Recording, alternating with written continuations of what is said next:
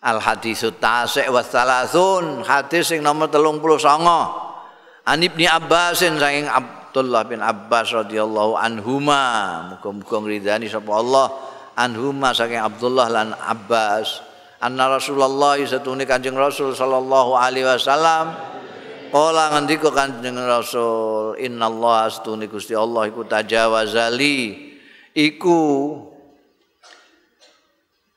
ngliwati li krana ingsun an umati saing umat ingsun. Al khata'a ing kekeliruan awin nisyan utawa lali wa mastukrihu lan barang sing dipeksa sapa umati alaihi ngatasé ma hadisun hasanun.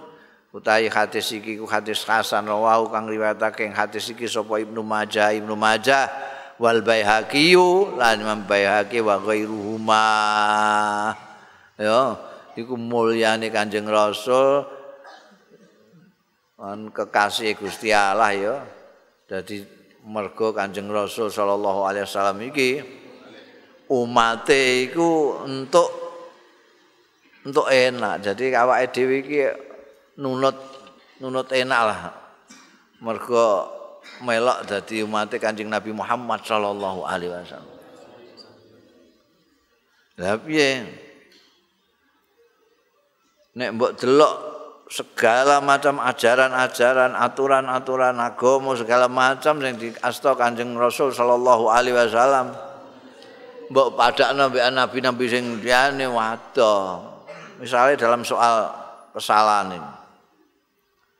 Karena Kanjeng Rasul sallallahu alaihi wasallam umat Muhammad sallallahu alaihi wasallam iku nek nek keliru ora dicatet, diampuni mbek Tuhan. Keliru ora ngerti ya. Oh iki mau tak darani daging wedhus ya. Dadak babi apa? Kotok, enggak ada apa-apa. Lali ya gak dihitung lali. Eh?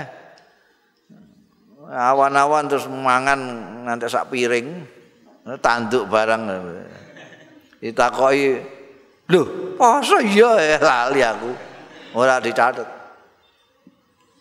dipeksa ora ora dicatat mbiyen oka salah sih lali sih apa wis tetep dihukum tetap dihukum. Zaman Bani Israel tambah berat meneh iku. Jadi kena najis ngono. Ora dikumbah ya diketok.